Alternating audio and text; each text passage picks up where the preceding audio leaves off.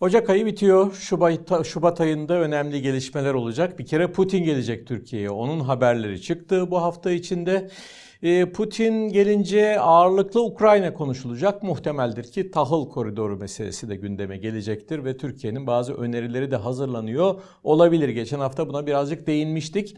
Ama e, öncesinde bu zirvenin öncesinde Rusya'nın Türkiye'den bazı şikayetleri var. Az sonra göreceğiz. Yani hem İsveç'in e, NATO üyeliğinin onaylanması ki çok sert şikayetler değil bekliyordu Ruslar. Buna rağmen eleştirenler var.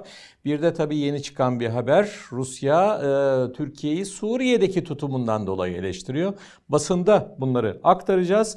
Onun dışında tabii ki e, Ukrayna-Rusya savaşında gidişat ne ve Batı cephesinde ne gelişmeler oluyor? Acaba ABD kendisi artık çok fazla bir şey yapamadığı için ve artık seçim rotasına girdiği için sorumluluğu birazcık Ukra e, Almanya'nın üzerine mi devretmek istiyor? En azından böyle bir söylenti var ama bazı verilerle bunu aktarmaya çalışacağım. Onun dışında Amerikalılar bir arşiv belgesi yayınladılar. İlginç bir şekilde Rusya acaba NATO'ya üye olabilir miydi? Şu anda tabii NATO ile Rusya'nın savaş meselesini konuştuk, ihtimalini konuştuk. Geçen haftalarda şimdi nereden çıktı bu diyebilirsiniz. Ee, bunu merak etmek doğal bir şey. Amerikalılar niye şu anda gündeme getirdiler? Onu birlikte düşünebiliriz ama bu iddiayı ve benim e, Rusya NATO üyesi olabilirdi. Daha önceden de dile getirdiğim olabilirdi görüşümle ilgili birkaç şeyi vurgulayacağım. Onun dışında e, birkaç meselemiz daha var. Türkiye-Rusya ilişkileriyle ilgili birkaç konu ve tabii ki geçen haftalarda da gündemde olan bu Başkortistan meselesi.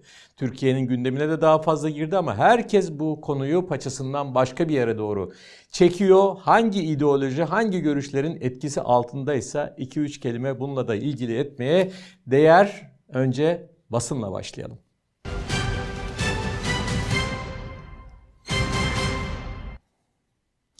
Dünden beri bir söylenti var ortalıkta. Ukrayna'da ciddi bir sarsıntı olabilir ya da belki de başladı. Zelenski ile e, ülkenin en güçlü kişilerinden biri Zaluzhny arasında, başkomutan Zaluzhny arasında bir görüşme yapıldığı söyleniyor ve bu görüşmeyle ilgili farklı iddialar var. Zelenski, Zaluzhny'yi başkomutanı aldı, görevden aldı diyen var. Görev, görevi terk etmesini önerdi diyen var. Hayır canım öyle bir şey olmadı normal bir görüşme yaptılar diyen var. Var oğlu var. Bir Ukrayna e, kaynağına başvurarak Zerkala e, kaynağı Zerkala Nideli haftanın aynası e, kaynağına başvurarak buna bir bakalım. E, orada e, iddia şu ki Zelenski her şeye karşın diyor. E, Zaluzhny'ye sen kardeşim istifa et. Yani uygun bir şekilde istifanı ver git. Böyle bir iddia var. E, bu daha sonra yalanlandı. Tekrar ediyorum yalanlandı ama ortada da muğlak bir hava var. Bulutlu bir hava. E, yakında herhalde bugün yarın bununla ilgili yeni gelişmeler olabilir. Belki de bazı görüşmeler olmuştur, tartışmalar olmuştur. Birisi istifa eder mi, etmez mi, sonradan barıştılar denir mi? Ama Zaluzhny eğer istifa ederse o Ukrayna'da başkanlığa aday olabilir. Hele hele de ABD tarafından desteklenirse ya da Batı tarafından o zaman Ukrayna iç politikası karışabilir. Bunu kısaca bir Ukrayna kaynağından verilen bir haberle aktarayım istedim. İkinci sırada Rusya'dan bir kaynak ve farklı bambaşka bir konu var. Vzglyad.ru ve ZRU sitesi ki etkili bir sitedir bu internette e, Kazakistan konusunu ele alıyor ve Kazakistan'la Rusya arasındaki sorunlara farklı biraz da Rusya'nın açısından azıcık da böyle etnik Rusçu bir bakışla yazan da üstelik Ermeni köken etnik olarak aidiyet olarak e, çok sık böyle olur. Başka e, ülkelerde yaşayanlar o ülkenin milliyetçiliğini bazen kendi etnik e, şeylerine, e, köklerine bakmadan çok daha ateşli bir şekilde savunabilirler. İşte onlardan biri Gevorg Mirzayan yazıyor ve Kazak milliyetçiliği er geç Moskova ile bir e, anlaşmazlığa, bir çatışmaya doğru götürebilir diyor Kazakistan'ı. Ve burada görüşlerini açıklarken de çok sıradan bir şeyden yola çıkmış. E, Rusya televizyonunda işte bir sanatçı, bir kadın sanatçı Kazakistan'ı eleştirdi. Daha sonra da onun Kazakistan'a gitmesi de engellendi. Kazak yetkililer tarafından buradan çıkmış ve diyor ki yani diyor bir şey var, e, pek çoklarına ilginç gelen bir tez var. Yönetilebilir milliyetçilik. Ama bu diyor hiçbir zaman yönetilemiyor ve bir yerinde taşıyor, başka şeylere yol açıyor. Kazakistan'da da böyle bir şey var. Unutuyorlar ki diyor, burada artık Rus tezleri giriyor gündeme. Unutuyorlar ki e, biz şimdiki Kazak yönetimini, Tokayev'i 2022'nin Ocak ayında biz kurtardık diyor. Orada ayaklanma çıkmıştı, çatışmalar çıkmıştı, ölenler vardı. Orada biz kurtardık. Onun dışında tabii ki e, Kazakistan'ın özgün yapısı var. Bunu anlıyoruz. Kabileler vesaire oradaki dengeyi gözetiyorlar ama bazen de anti-Rusluğa kadar gidiyor iş diyor. Aynı zamanda Rusya ile Çin arasında bir dengeyi kurmayı, aynı zamanda Batı ile bir dengeyi kurmaya çalıştığını da vurguluyor. Yani Kazakistan'ı da anlıyorum ben havasında gidiyor ama yine de her türlü milliyetçiliğin ki milliyetçilik illa daha küçük uluslara özgü değildir. Büyük ulusların da milliyetçiliği vardır. Bu yazıda bu yok. Milliyetçiliğin her zaman bu coğrafyada anti-Rus bir karaktere geldiğini söylüyor. Anti-Rus. Eninde sonunda döner. Bunlar Moskova'ya karşı olur. Oysa ki onların devlet yapılarını Rusya büyük ölçüde sağladı ve oraya uygarlığı Rusya götürdü gibi çok iddialı ve eminim karşı taraftan da e, tepki getirecek şeyler var. Bu e, makale yeni sayılır. Başka yerlerde de çok gördük biz diyor milliyetçiliği. İşte Ukrayna'da malum, e, Gürcistan'da geçmiş yıllarda oldu. Şu anda Ermenistan'da var diyor milliyetçilik o nereye gider belli değil. Hatta Moldavya'da, küçük Moldavya'da ya da Moldova'da bile bu var. Milliyetçilik ya da Romanyacılık o tabii ki aradaki etnik ortaklıktan dolayı işte bunun değişik şeyleri oluyor. Nasıl başlıyor genellikle? Rus okulları kapatılıyor. İşte Sovyet döneminin şeyleri, e, heykelleri falan kaldırılıyor, yıkılıyor vesaire. Daha sonra Rusça dersler sınırlanıyor. Rus Rusça yasaklanıyor. Resmi bir dil olarak yasaklanıyor eğer ikinci dilse. Böyle böyle gidiyor diyor ve e, şurada e, şunu da belirtmek gerekir ki diyor. ABD her zaman Kazakistan'a Çin'le Rusya'yı zayıflatmak için bir araç olarak bakıyor. Bunu anlasa diyor Kazaklar biraz daha Rusya'ya karşı anlayışla yaklaşırlar. Böyle iddialı bir yazıydı. E, News.ru'ya gelelim. Üçüncü yayın organı News News'da işte Türkiye şikayetleri başlıyor. Şikayet nereden? İşte ee, aday e, ülke durumunda İsveç, NATO'ya ve Türkiye onay verdi. Bundan sonra bir tek Macaristan'ın onayı kaldı ve Macaristan da herhalde bu onayı verecektir. Türkler niye verdiler diyor. Bu kadar zaman yani Mayıs ayından 2022'nin Mayıs ayından bu yana Türkiye onay vermiyordu. İtirazları vardı. İşte PKK konusu, başka konular, Kur'an yakılması birçok şey yaşandı. Niye verdi diyorlar ve burada cevap bu cevabın İsveç'e verilen onayın birisinin dediği gibi orada görüş belirten İsveç'te bir ilgisi yok. Türkiye, Türkiye'nin lideri Erdoğan her zamanki gibi pazarlıklarda diyorlar. Batı ile pazarlık, F-16 pazarlığı, başka pazarlıklar ve bunlardan dolayı şu aşamada pazarlıklar bir yere geldi ve Erdoğan onay vermek zorunda hissetti. Ama bunun Rusya'da farklı yansımaları oldu. Olağan karşılayanlar da var. Senatörlerden Alexey Pushkov mesela ya belliydi zaten. Erdoğan şu ya da bu şekilde bunu onaylayacaktı. E, ticaretini, şeyini, pazarlığını yaptı bir noktada bunu kesti diyor. Ama bazıları da yine senatodan çok etkili, dış politikada etkili bir isim Konstantin Kosaçov diyor ki çok yazık. Türkiye'nin böyle bir şey yapması çok yazık. Türkiye bütün insanlık yararına önemli bir tavırdan vazgeçmiş oldu. Yani NATO'nun genişlemesini engelleme tavrından vazgeçerek tarihi bir şans kaçırdı diyor. Şansı kaçırdı diyor. Çok ilginç ve sert bir yorum aslında. Ee, Batı basınına bakalım. Bloomberg'de bir şey var, iddia var. Doğru mu değil mi bilmiyorum ama e, doğruysa eğer Putin güya ABD'ye ya ben bu savaşı bitirebilirim şartlarıyla ilgili bir hazırlık yapalım sizinle demiş. Doğrudur, yalandır ama İddia doğruysa eğer bir tür ABD'yi yoklama işte bizim aldığımız yerler bizde kalacak. O dört bölge ve daha öncesinde tabii ki Kırım bunlar bizde kalacak. Üstelik bazı iddialara göre e, bu e, Bloomberg'in e, kaynaklarına göre belki ileride Ukrayna'nın NATO üyeliğine de yeşil ışık yakabilirim türünden bir tavır da var. Ben bundan çok emin değilim. Bu çünkü Rusya açısından çok riskli bir durum. Buna razı olacaklarından çok da emin değilim. Mecbur olabilirler. Razı olmaları kolay olmaz.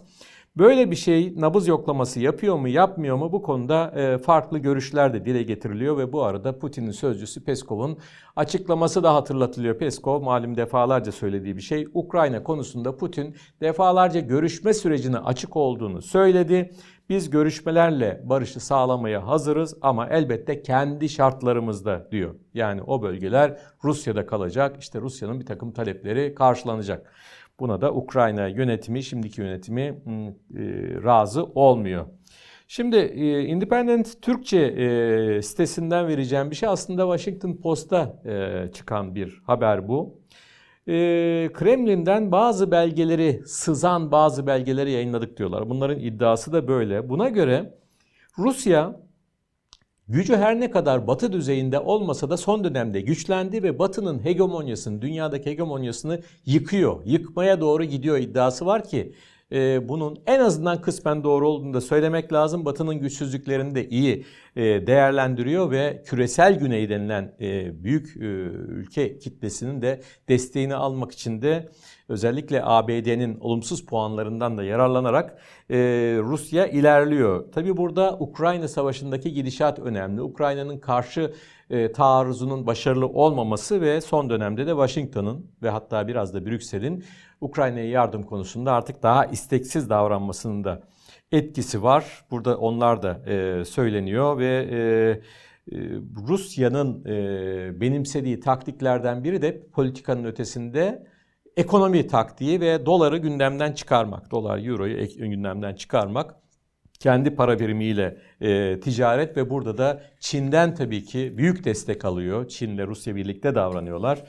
Bu türden e, iddiaları toparlamışlar. İlginç bir şey e, Türkiye basınından Rusya'nın bir başka şikayetini dile getiren Cumhuriyet'e bakalım şimdi. Cumhuriyet gazetesinde e, Putin'in e, özel temsilcisi, Suriye özel temsilcisi Alexander Lavrentyev'in bir mesajı var. Kısa ama çok çok önemli.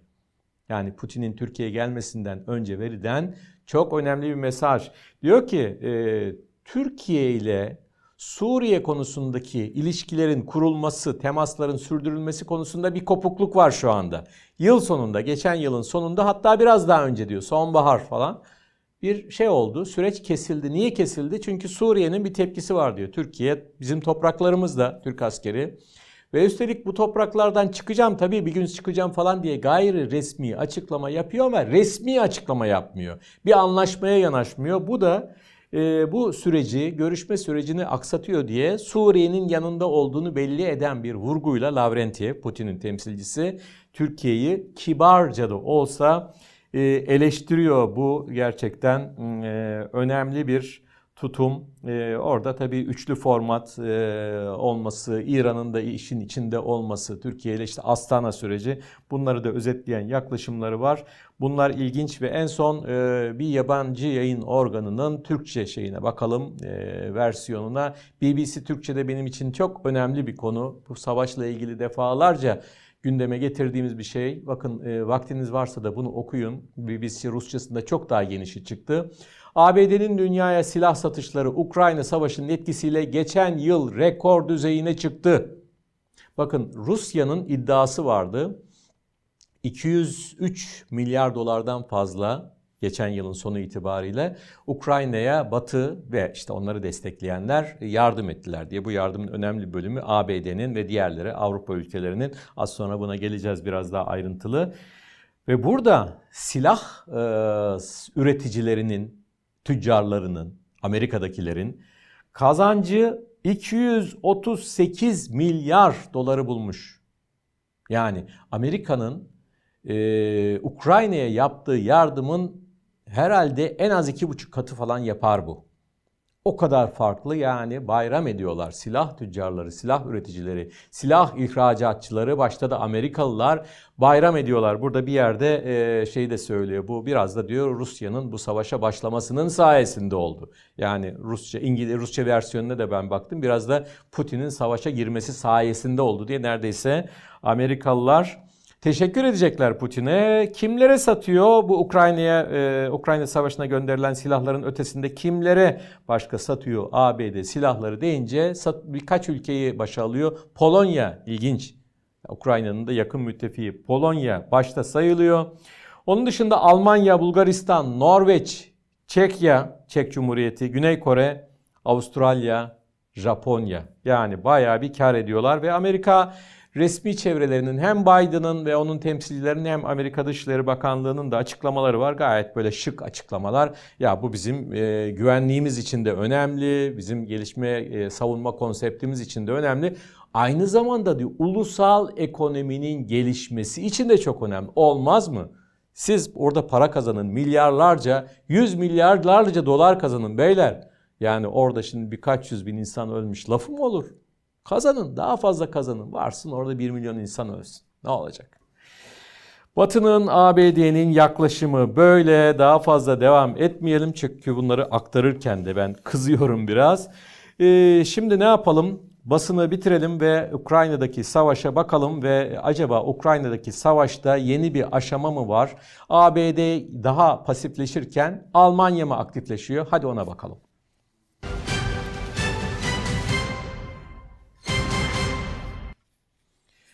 Şimdi savaşta bugünlere kadar geldiyse, bu kadar direnebildiyse Ukrayna ve Ukrayna ordusu, Kiev yönetimi, Zelenski bu tabii ki Ukrayna'nın kendi iç kaynaklarıyla, direnme gücüyle vesaire bunlarla da ilgili ama çok önemli bir faktör Batı'nın yaptığı yardımlar. Ekonomik ve askeri yardımlar. Aslında askeri deyince de o da ekonomik yardım. Ya adamlar bir elinden parayı alıyor, öbür eline veriyor ve Ukrayna'ya işte silah vermiş oluyor bilmem kaç milyar dolara ya da euroya. Şimdi e, merak edip baktım Ukrayna'ya bu Rusya kaynaklarına göre Rusya Savunma Bakanlığı vermişti. 203 milyarı aşkın e, yardım yapıldı dendi ki bu geçen e, birkaç hafta içinde de doğru dürüst yeni bir yardım da olmadığı için bu rakamı Rusya açısından kaynak kabul edebiliriz. Doğru mudur yanlış mıdır bilmiyorum ama benim verilerim de 3 aşağı 5 yukarı bunun gibi belki biraz daha az olabilir. Fark etmez 200 civarında 200 milyar dolar civarında bir yardım var. Kim daha fazla yardım etti? İlk sırayı tahmin etmeniz zor değil. Tabii ki ABD.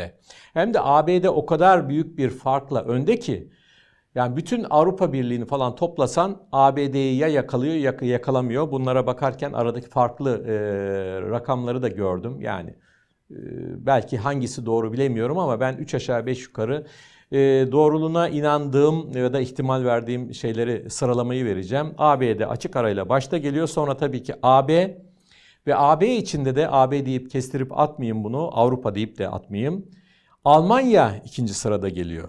Almanya geliyor çünkü AB deyince İngiltere AB'de değil şu anda. Üçüncü sırada da zaten İngiltere var. Ondan sonra sürpriz bir ülke. Tahmin etmeniz de zor olabilir çoğunuzun bilmiyorsanız eğer. Norveç ve beşinci sırada Japonya. Görüyorsunuz ne kadar enteresan. Yani Batı bloğu deyince bunun içine değişik ülkeler giriyor. Japonya da e, tavrıyla tutumuyla o Batı bloğunun bir parçası. Batı deyince sadece batıda olması ya da batılı gibi görünmesi gerekmiyor. Doğulu gibi görünüp batılı gibi davranmak diye de bir şey var.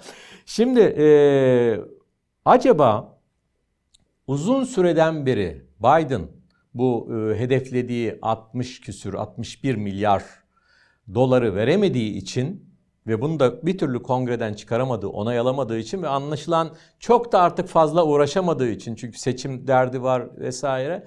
Seçilecek miyim? Aday olacak, seçilecek vesaire. Bütün bunlar onun kaygıları.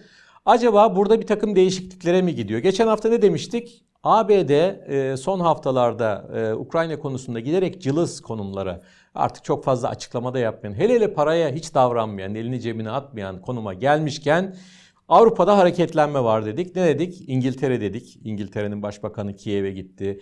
Biraz sembolik gibi görünen bir 10 yıllık bir anlaşma imzaladılar. Yani savunma, güvenlik anlaşması, emniyet anlaşması gibi benzeri bir şey şimdi ABD'de hazırlanıyormuş ama bu Ukrayna'ya ne verir? E, statünün ya da moral desteğin ötesinde onu tam kestirmek kolay değil. O anlaşma çok da şey değil. E, net değil.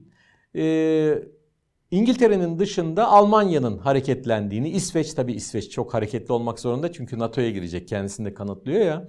İşte Norveç, başka ülkeler falan ama e, son dönemde Almanya e, daha bir ağırlığını koyma havasında.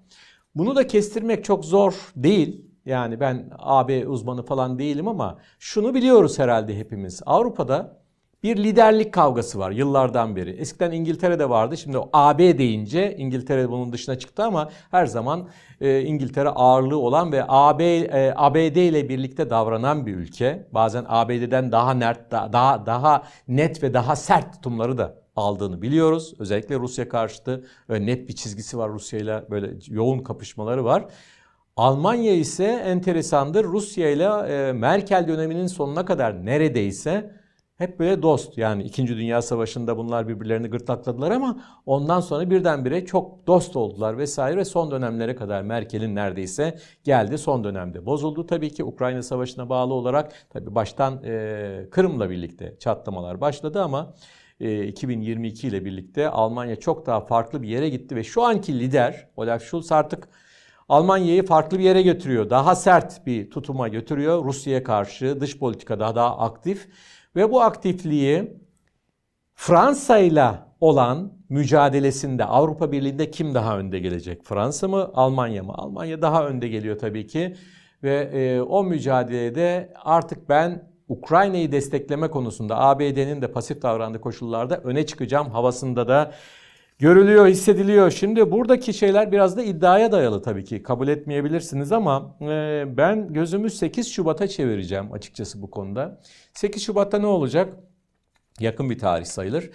E, Almanya e, Başbakanı Schulz Washington'a gidecek ve Biden'la görüşecek. Orada işte bazı şeyleri anlayacağız. Çünkü en son Biden'la telefonda görüşmüştü ve telefonla görüştükten sonra dedi ki biz Almanya olarak Ukrayna'ya yardım arttıracağız. Şimdilik bu yıl için 24 için 7 milyar euro vereceğiz. Bunu arttırabiliriz de. Geçen yıllar neydi? 2022'de 2 milyar euroydu sadece ve geçen yılda 5,5'tan daha azdı.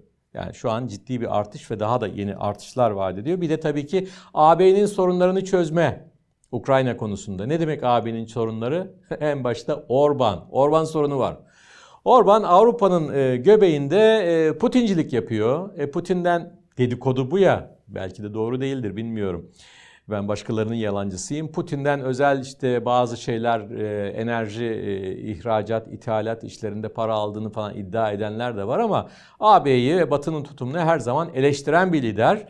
Şimdi biliyorsunuz Ukrayna'nın Batı bloğuna NATO'ya alınması süreci zar zor başlatılmıştı. Orada e, şeyi e, Orban'ı kahve içmeye göndermişti. Schulz'un büyük buluşuydu bu. Kahve içmeye git biz o sırada oylamayı yaparız. Ama kahveyi bitirdi ve döndü ve e, Ukrayna'ya 50 milyar euro verilmesi önümüzdeki yıllar için kahvesi bittiği için onu yapmadı. Şimdi onu bir şekilde yapmak zorunda AB ve burada da Almanya ön sıralarda rol oynaması gerekiyor.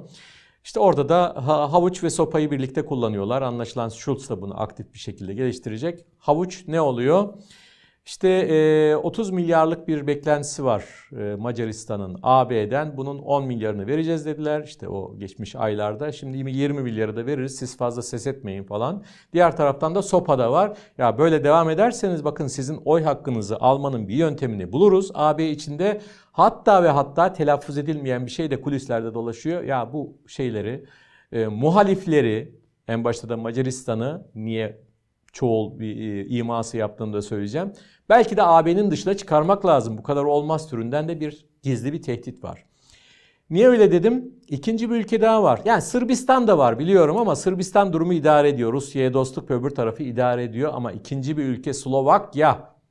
Slovakya'nın lideri de Robert Fico da artık farklı açıklamalar yapmaya başladı. Rusya'ya yakın açıklamalar yapmaya başladı. Ukrayna'yı da bayağı ciddi ciddi eleştirmeye ve AB'nin yardımlarına karşı çıkmaya başladı.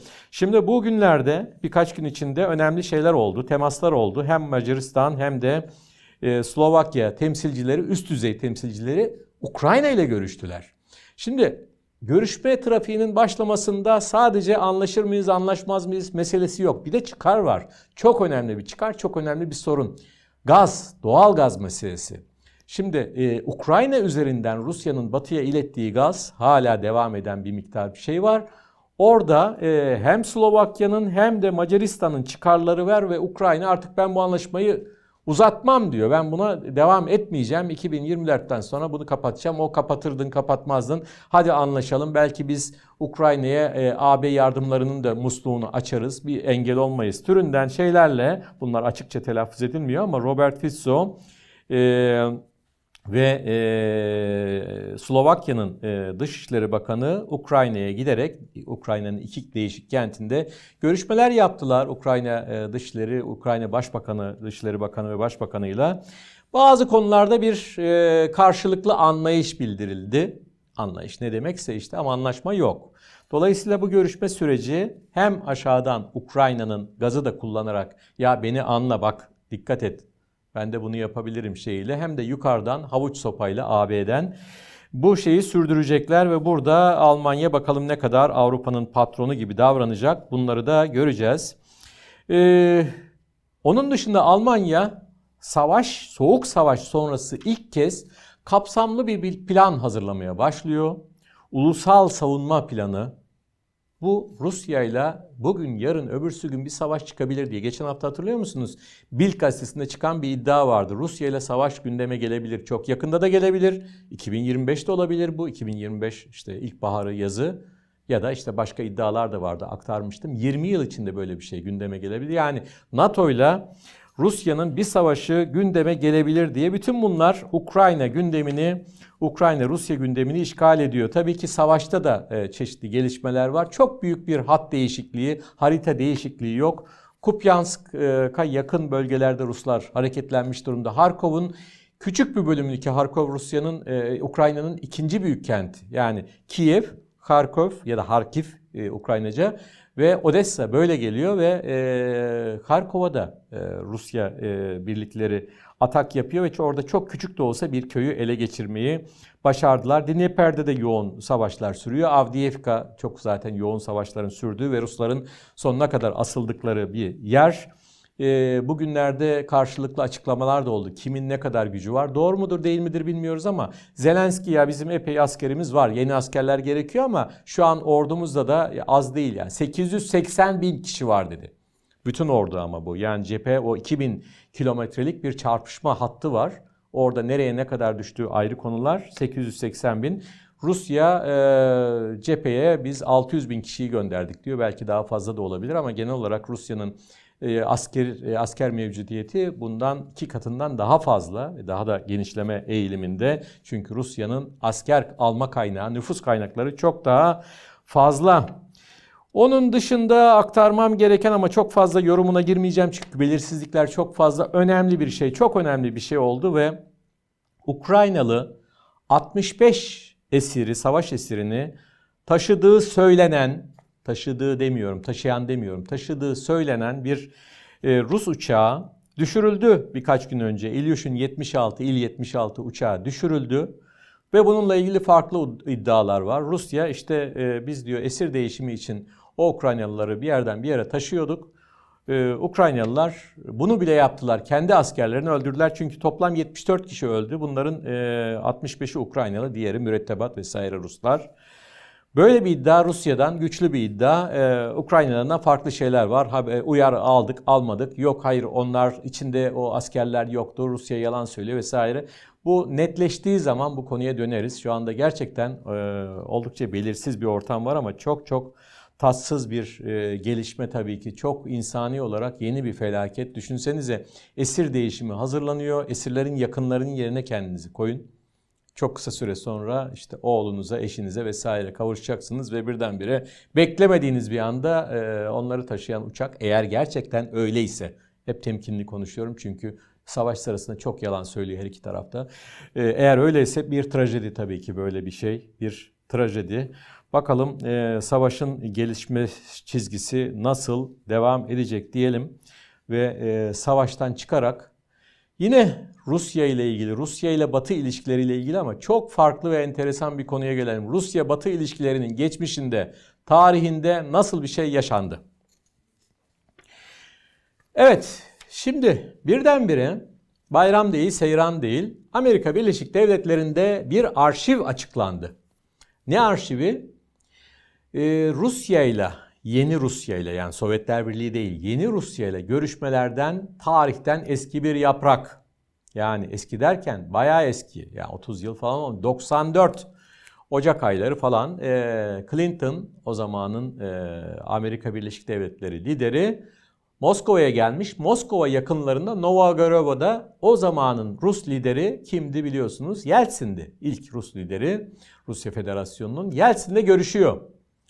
Görüşüyorlar. Hatta şu pozla meşhur bir poz. Clinton yine kendi havasında ve Putin şeyde Yeltsin'de gayet mutlu bir şekilde onu izliyor. Ee, gizli görüşmeler. Gizli görüşmelerde ne oldu? O günden bugüne bilmiyorduk biz bunu ama bir takım söylentiler ve yorumlar vardı. Amerikalılar şeffaf davranma kararı aldılar. Niye ise bugünlerde. Birkaç gün önce oldu bu. Ve arşivleri açıkladılar. Meğerse neymiş, neler konuşulmuş. Şimdi 91'de Sovyetler dağıldı. Aynı sıralarda artık 15 eski Sovyet Cumhuriyeti bağımsızlık yolunda ilerlemeye başladı. Bazıları daha önce hatta. Ve ondan sonra o, o dönemlerde biliyorsunuz Gorbaçov Sovyetlerin dağılma döneminde Gorbaçov ki Sovyetler Birliği'nin e, ateşli bir savunucusuydu. Sovyetleri dağıtmak falan istemiyordu. Gorbaçov e, Sovyetleri güçlendirmek, demokratikleştirme yolundan giderken Batı'yla da silahsızlanma yolunda adımlar atıyordu kendince ama bazen acemice. Ve Amerikalılar da görüyorsunuz mutlu bir sahne. Reagan e, ve Gorbaçov. Amerikalılar da e, nükleeri sınırlandırma anlaşmasında ve daha e, sonraki adımlarda hep böyle ikili oynadılar. Tamam güzel Gorbaçov bizim için bir şans. Silahsızlanma başka şey. Belli ki Sovyetler zayıflıyor. Amerikalıların yaklaşımı Sovyetler zayıflıyor. Ezeli düşmanım zayıflıyor. Biz onları yeniyoruz. İşte soğuk savaş vesaire. Tabii ki ABD ve Batı kazançlı çıkıyor. Sosyalist sistem yıkılmaya doğru gidiyor işte. 88-89'dan itibaren ve en son işte 91'de de yıkılıyor zaten. Orada defalarca gündeme gelen bir konu. Ne olacak biz biz e, bu barış anlaşmalarını yapıldık yaptıktan sonra ki o arada e, Sovyetler Birliği'nin başını çektiği askeri blok Varşova Paktı da kendini feshediyor. Şimdi şöyle düşünüyor, düşünme eğilimindeyiz e, normal olarak. Bir tarafta Varşova Paktı vardı, öbür tarafta NATO vardı. Bunlar birbirlerine karşı faaliyet gösteriyordu. E bir taraf kendini lağvetti. Barış, dostluk, dayanışma. Öbür tarafta kendini lağvetmeli değil mi? NATO hayır dedi. Ama orada Gorbaçov'u ve onunla birlikte davranan bir ara Dışişleri Bakanı olan Gürcü kökenli ve Gürcistan'ın da liderliğini yapmıştı Shevardnadze. Onları bir güzel aldattılar. Batı aldattı. Bush aldattı. Şevardnaze'yi Demirel'le görüyorsunuz şimdi. Bush aldattı.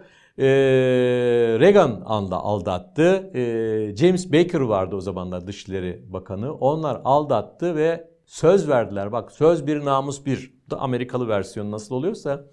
Vallahi genişlemeyeceğiz. Yani doğuya doğru bir santim bile bu da Bekir.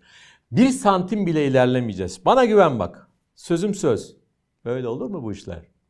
Amerikalı e, Sovyetler Birliği'nin yedim diye seviniyor ve onun arkasından planlar yapıyor ben nasıl ilerlerim diye ve ondan sonra zaten Gorbaçov yeniliyor, Sovyetler dağılıyor vesaire. Ondan sonra biliyorsunuz NATO adım adım adım genişliyor. NATO'nun zaten bütün tarihi genişleme tarihi. 49'da kuruldu NATO çok büyük bir e, şey olacak e, bu yaz e, Temmuz ayında Washington'da galiba ABD'de büyük bir NATO zirvesi olacak. Bugünlerde Blinken onun reklamını yaptı. Korkunç çok büyük etkinlikler olacak. 75. yılımızı kutlayacağız falan filan bir sürü şeyi ele alacağız. Rusya karşıtı, Çin karşıtı vesaire şeyler de gündeme gelecektir tabii ki. Ama 49'dan sonra NATO'nun tarihi hep genişleme tarihi. Ve birinci gelişmede de biliyorsunuz 49'dan sonra 52'de ilk gelişmede kim NATO üyesi oldu? Türkiye ve Yunanistan. O gelişme süreci devam etti etti etti. Bu Sovyetler Birliği'ne Gorbaçov falan verdikleri sözden sonra NATO genişleme yolunda adımlar atmaya başladı ve Sovyetlerden sonra ilk şey genişleme 99'da oldu.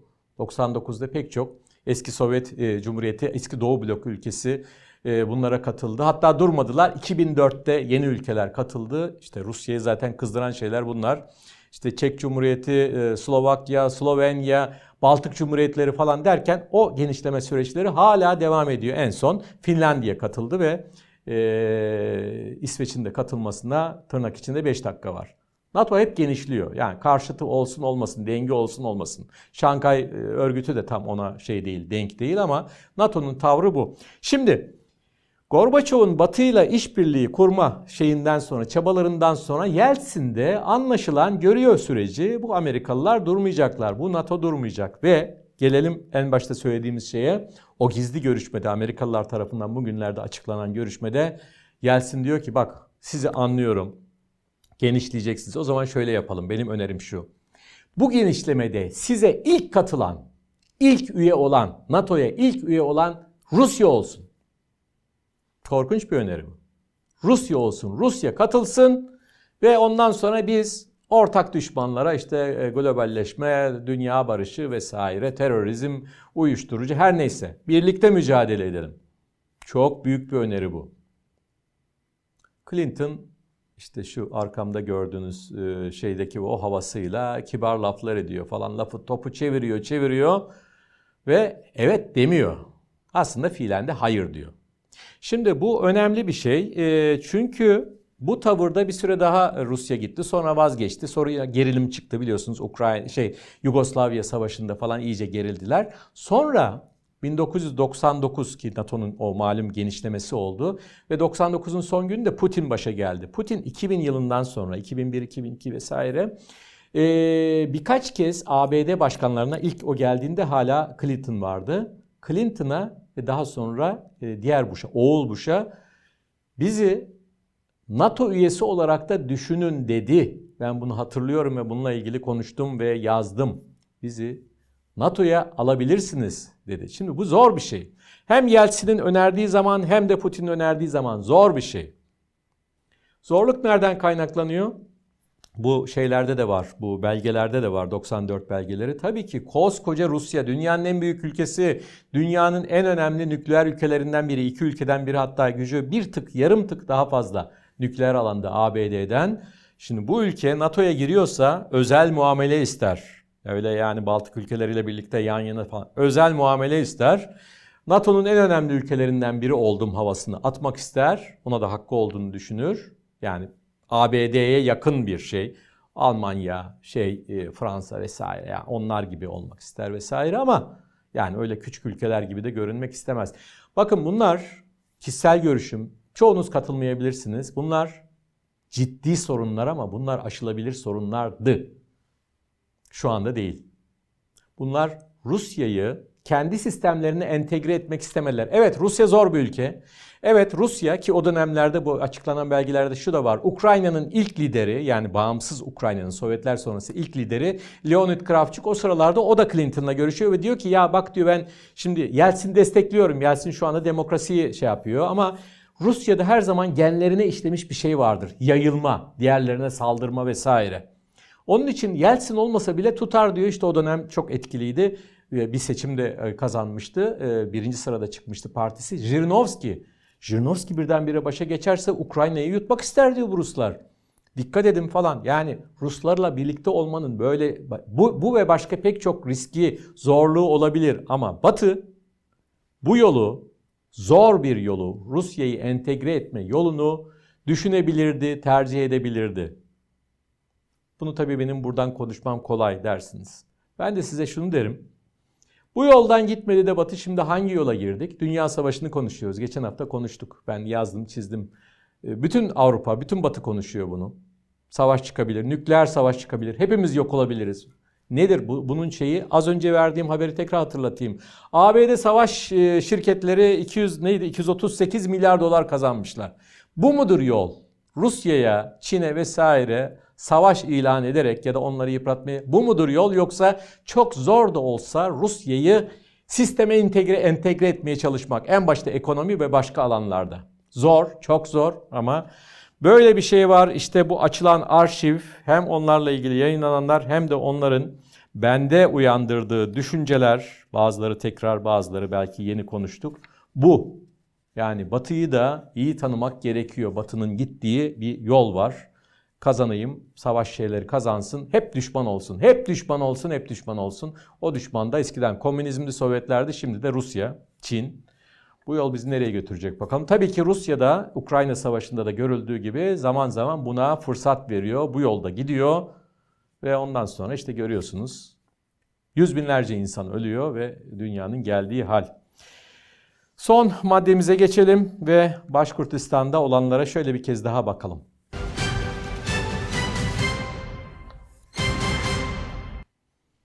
Başkurtistan'ı geçen hafta konuştuk. Ondan sonra ben bir yazı da yazdım. Meraklıları e, benim e, son değil ondan önceki yazıma da bakabilirler. E, Başkurtistan Rusya'yı oluşturan 89 eyalet demeyeceğim ben idari birim diyelim. Eyalet Amerika'yı hatırlatıyor biraz daha farklı bir yapı. Rusya'da 89'dan her zaman ekonomik birimler ve başka açılardan ilk 10'a giren ya da işte 12, 15 neyse giren küçük ama zengin bir ülke. Petrol zengini, Tataristan gibi e, Müslüman e, çoğunluğun olduğu bir ülke. O yazımda o oranları da vermiştim.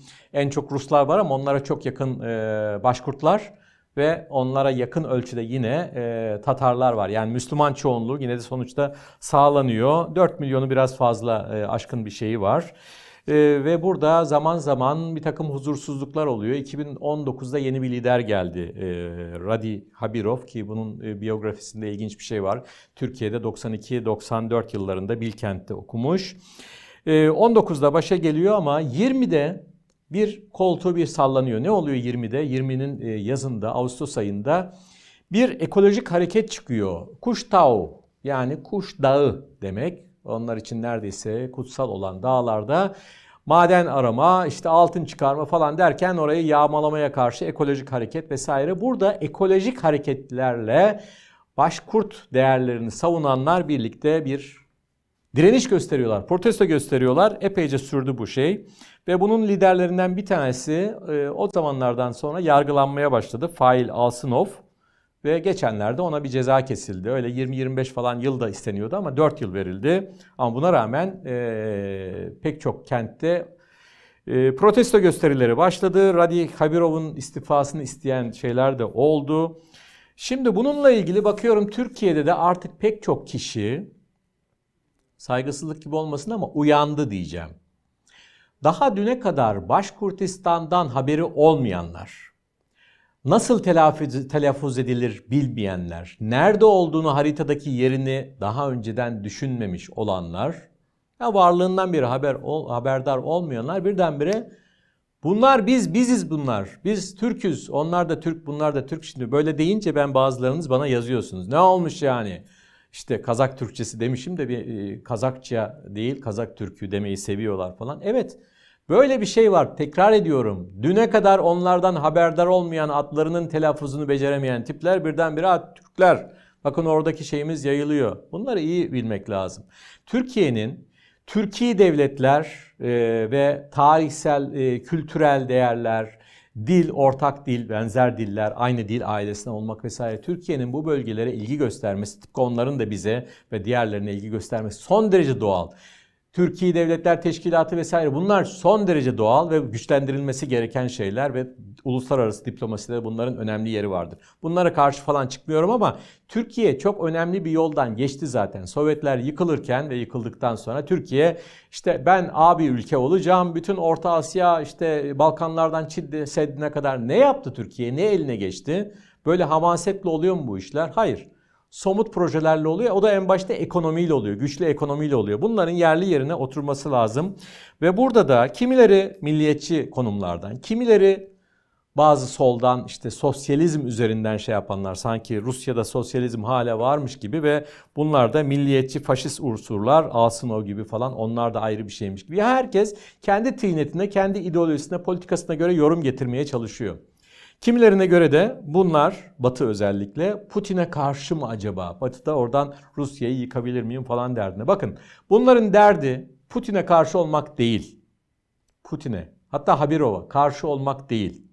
Bunların derdi e, şu ya da bu şekilde belki de sadece ekolojiyle de sınırlı değil ama bunlar bunlarda bir ulus bilinci var. Din önemli faktör, etnik aidiyet önemli bir faktör ve bunlar e, yani bunlar derken bugün Başkurtistan, dün başkasıydı, yarın başkası da olabilir. Geçmişte Sovyetler Birliği zamanında örneğin Kazakistan'a bir Rus atandığı zaman parti genel sekreterliği Komünist Partisi orada da eylemler olmuştu falan. Yani her zaman ulus olarak bize ait olan yer diye özel bir saygı görmek ve aşağılanmamak istiyorlar. Tavırları, e, analizleri doğrudur değildir. Her zaman doğru olmayabiliyor. Milliyetçilik bazen başka yerlere gidebiliyor ama Burada da kendilerini aşağılanmış hissedebiliyorlar. Geçmişte Tataristan'la ilgili konuştuk.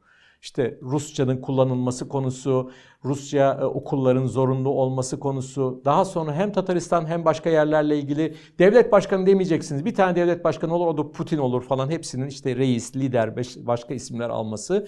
Hep böyle ulusal azınlıkların etkili olduğu cumhuriyetlerde ve bölgelerde Moskova'nın bir baskısı olarak bunlar e, hissediliyor ve bu da bir etnik direniş potansiyeli yaratıyor. Bundan kaynaklanan şeylerdir diye düşünüyorum ben. Ne sosyalizm, antisosyalizm meselesi ne Putin'e karşılık Böyle bir şey var ve Habirov'u da Moskova'nın adamı olarak görüyorlar ve Moskova bize karşı daha özenli ol, daha saygılı ol. Elbette orada ipin ucunu kaçırdığı da e, ne bileyim işte Ruslar defolsun gitsin komşu şeylere, illere, işte Kazaklar gitsin, Ermeniler gitsin falan bunların savunmak mümkün değil milliyetçiliği, ırkçılığı vesaire ama bunun kökeninde de bu tür şeyler yatıyor diyelim ve e, Başkurtistan'ı keşfeden arkadaşlar birdenbire uzman olmasınlar. Birazcık da o ortama baksınlar, biraz okusunlar, yazsınlar, çizsinler. E, ve bu sorunun gelişmesine bakalım. E, gelişmesine bakalım derken tam olarak bastırılmadı hareket e, şeyler sürüyor, direniş sürüyor ama işte bir şey yaptılar, bir etkinlik yaptılar e, hükümet yanlısı, e, Habirov yanlısı bir miting düzenleyelim dediler. O mitinge de fazla insan katılmaz diye tuttular. E, konser yaptılar. Konser olunca tabii bir sürü insan geliyor falan. Böyle şeyler. Orası biraz daha devam edecek galiba. Biz de Başkurtistan'ı izlemeye devam edeceğiz. Programın sonunda küçücük bir şey. Putin geliyor dedik. Evet e, bu konuda açıklamayı Putin'in danışmanı Yuri Ushakov yaptı. Yuri Ushakov Putin'in uzun süredir dış politika danışmanı. Bakın e, dış politika alanında merkezinde Putin var tabii ki. E, bana hemen yakın omuzumun üstünde Lavrov var. E, dış politikadan sorumlu Dışişleri Bakanı ve diğer tarafta da devlet konseyi, devlet başkanlığının yardımcıları, danışmanlarından dış politika ön sırada gelen Uşakov var. Uşakov dedi ki tamam yakında geliyor. Türkiye'ye gidecek. E, Şubat ayının içinde dedi bazı şeyler reyting almak için tarihi açıklandı falan öyle bir şey yok. Geçmişte yakın zaman içinde Türkiye Gazetesi 12 Şubat dedi bilmiyorum. Ben Türkiye'nin kaynaklarına sahip değilim. Günü belli değil ama Şubat ayında gelecek ve muhtemelen en başta Ukrayna konusu onu da Uşakov söyledi. Konuşulacak tahıl koridor vesaire Erdoğan bir öneri de getirebilir. Ona hazırlanıyor gibi bir his var içimde. O tür açıklamalar yapılıyor. E, muhalefet sessizken iktidar bu dış politikadan puanlar kazanmaya devam edecek. Bir onu şey yapalım, duyuralım. Bu arada e, basında verdiğimiz Suriye ile ilgili hoşnutsuzluğunu da hatırlatarak bu konuyu kapatıyorum. Programı da kapatırken şunu söyleyeyim. Bazen sanat kültür olaylarına değiniyoruz. Ee, geçmişte yine T24'te yaptığımız Kuzey Gündemi diye bir program vardı. Yani bu kadar yıl içinde değişik programlar yaptık, değişik şeyler yaptık. Orada da bir kez verdiğimiz bir konu vardı. Sovyetler Birliği zamanında ee, önemli bir şarkıcı, şair, aktör vardı. Vladimir Vysotsky. Çok değerli birisiydi.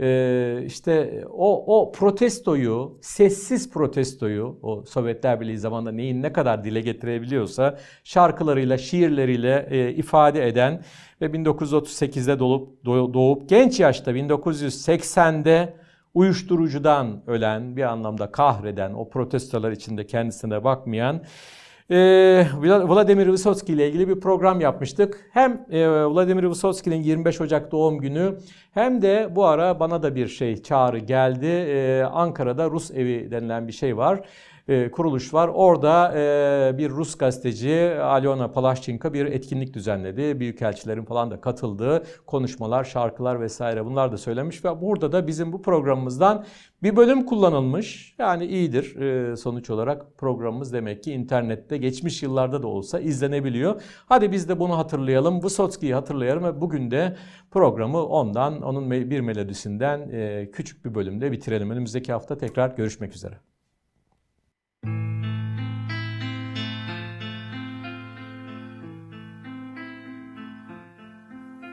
Здесь лапы у елей дрожат на весу. Здесь птицы щебечут тревожно. Живешь в заколдованном диком лесу, Откуда уйти невозможно. Пусть черемухи сохнут Бельем на ветру